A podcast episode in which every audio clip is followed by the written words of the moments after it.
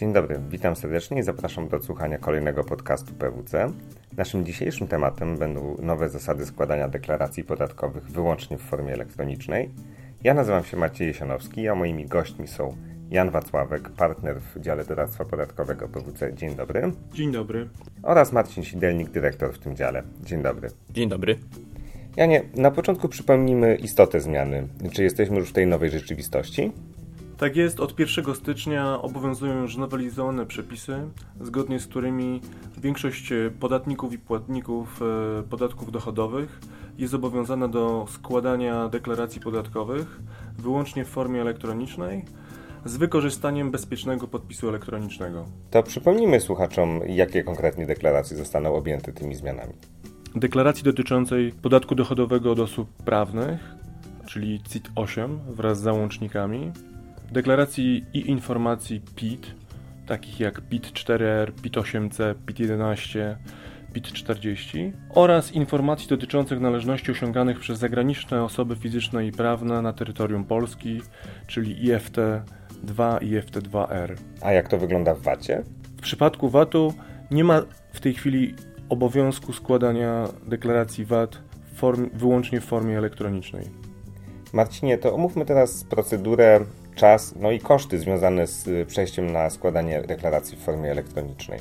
Po spełnieniu wymogów formalnych i pomyślnej weryfikacji wszystkich dokumentów dostarczonych przez e, osobę zamawiającą e, certyfikat, dostawca przesyła nam certyfikat na podanego maila i po otrzymaniu należy go zainstalować na swojej karcie kryptograficznej, która jest częścią urządzenia do bezpiecznego podpisu elektronicznego. W tym momencie jesteśmy już dwa kroki od faktycznej możliwości składania deklaracji za pomocą podpisu elektronicznego.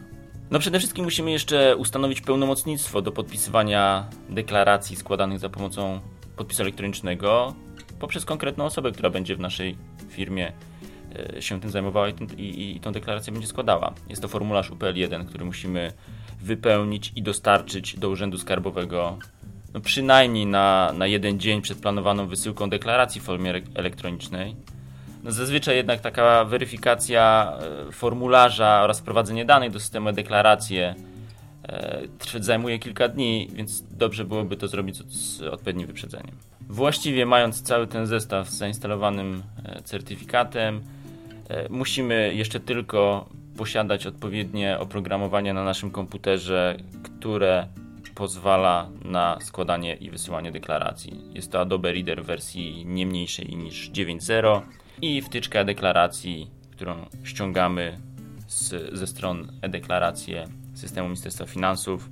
To już jest absolutnie ostatni krok, który e, pozwala nam na wypełnianie bądź to aktywnych formularzy, również pobranych ze stron Ministerstwa Finansów, lub samodzielnie stworzony plik w formacie XML, który za pomocą całego tego zestawu składamy na stronach Ministerstwa Finansów. Czyli podsumowując, nie jest to trudny proces. Nie jest to trudny proces, który trwa od kilku dni do maksymalnie dwóch tygodni. Dlatego warto z odpowiednim wyprzedzeniem przejść przez te wszystkie kroki, żeby nie czekać do ostatniej chwili. A czy ta zmiana dotyczy wszystkich płatników? Nie, nie dotyczy wszystkich płatników. Dotyczy płatników PIT zatrudniających więcej niż pięciu podatników lub tych płatników, którzy korzystają przy swoich rozliczeniach z biur rachunkowych. Bardzo dziękuję za rozmowę. Moimi gośćmi byli Jan Wacławek, partner oraz Marcin Sidelnik, dyrektor w dziale doradztwa podatkowego PWC. Ja zapraszam Państwa do odsłuchiwania innych podcastów.